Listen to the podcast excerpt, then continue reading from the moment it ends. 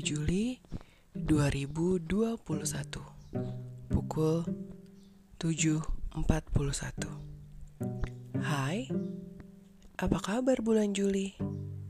Juli kali ini mendung bergelayut di sekitar kita Bukan, bukan hanya mendung di atas awan Tapi menggelayut di sekitar kita Berita sedih hilir mudik setiap hari. Rumah sakit penuh. Banyak pasien yang tidak dapat tempat. Terlantar di selasa rumah sakit dan berebut oksigen. Berita COVID-19 ini memenuhi isi kepala. Memenuhi isi kepala sampai-sampai menurunkan daya tahan tubuh yang menonton. Baru recovery dari berita satu, sudah ada berita lain yang membuat timbul rasa takut dan rasa pesimis. Mendung itu sampai juga di keluargaku, adikku, ponakanku, dan adik iparku positif COVID. Kaget? Pasti. Gak sangka itu terjadi. Benar. Merasa tidak terima. Awalnya.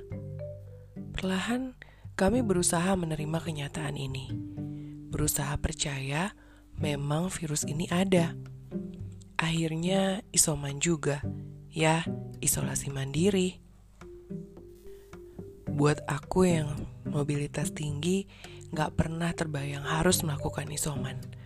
Benar-benar di rumah, dilarang keluar rumah. Semua dibeli secara daring. Prokes semakin diperketat kami tidak tidur. Sakit ini merubah segala aktivitas. Semua orang berubah. Keramahan berubah menjadi kehati-hatian. Gejala ringan, aman, masih bisa beraktivitas seperti biasa. Hanya anosmia yang melanda, penciuman hilang, bahkan bau mencolok saja tidak tercium. Ada juga yang radang tenggorokan, bahkan sampai sesak napas dan menghadap ilahi. Hmm, sudah saatnya kita kembali pada Allah, pada Tuhan kita. Pasrah, menerima, mawas, dan tetap berusaha waras. Virus itu memang ada. Mereka mengintai kamu, mengintai aku, mengintai kalian, mengintai kita semua. Please, jaga imun, iman, biar aman. Semoga pejuang COVID-19 yang positif diberikan kesehatan kembali, pulih seperti sedia kala. Doakan keluarga kami dalam keadaan sehat.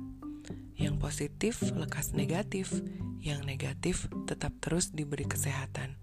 Semoga kalian yang mendengar podcastku juga selalu diberi kesehatan ya. Amin.